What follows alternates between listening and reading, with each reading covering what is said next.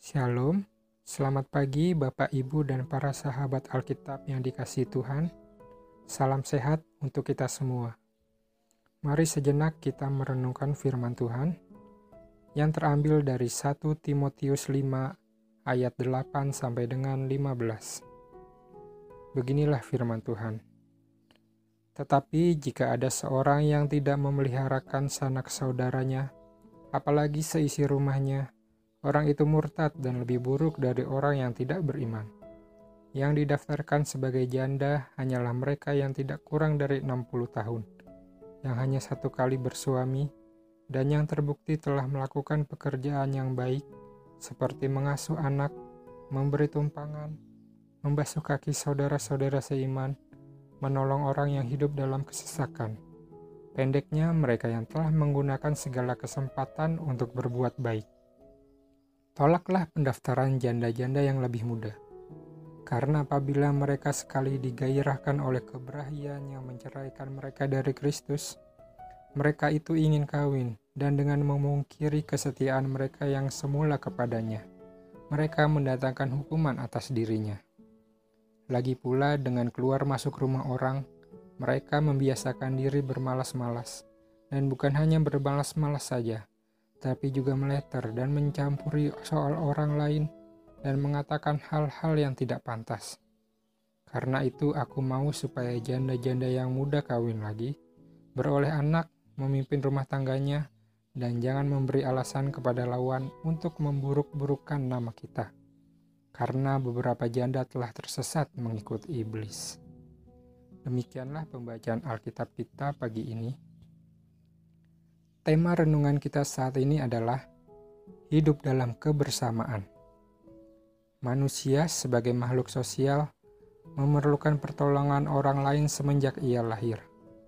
Tuhan Yesus pun memberikan teladan pada kita untuk senantiasa menolong orang lain. Ia juga mengajarkan kita untuk saling mengasihi.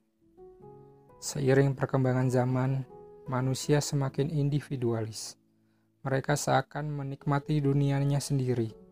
Di era media sosial kita seakan mendekatkan diri kepada orang yang jauh dan menjauhkan diri dengan orang yang justru di dekat kita.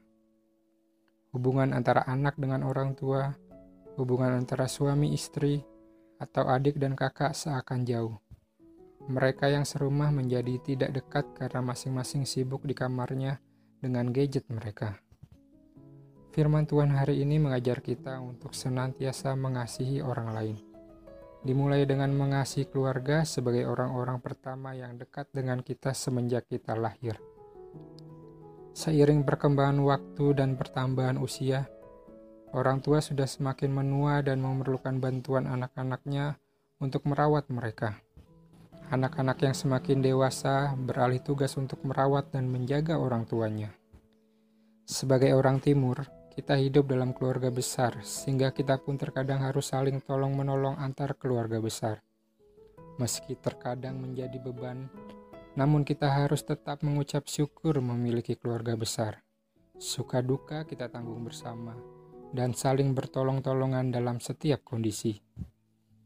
Dalam kebersamaan antar manusia, tidak luput timbul perbedaan pendapat yang mungkin bisa menyebabkan sakit hati untuk itu, kita perlu memiliki hati yang mengampuni dan mengasihi, sehingga hubungan antar manusia menjadi rukun. Allah menginginkan kita senantiasa memiliki kesatuan yang dinamis. Kita bersatu dan mengalami perubahan ke arah yang lebih baik lagi secara bersama-sama, dan sekaligus mengubah lingkungan kita dengan memberikan rasa dan arti dalam kehidupan mereka. Maju bersama dan berubah bersama tetapi tetap bersatu. Selamat menjalani kehidupan bersama dengan keluarga. Tuhan Yesus memberkati. Salam Alkitab untuk semua.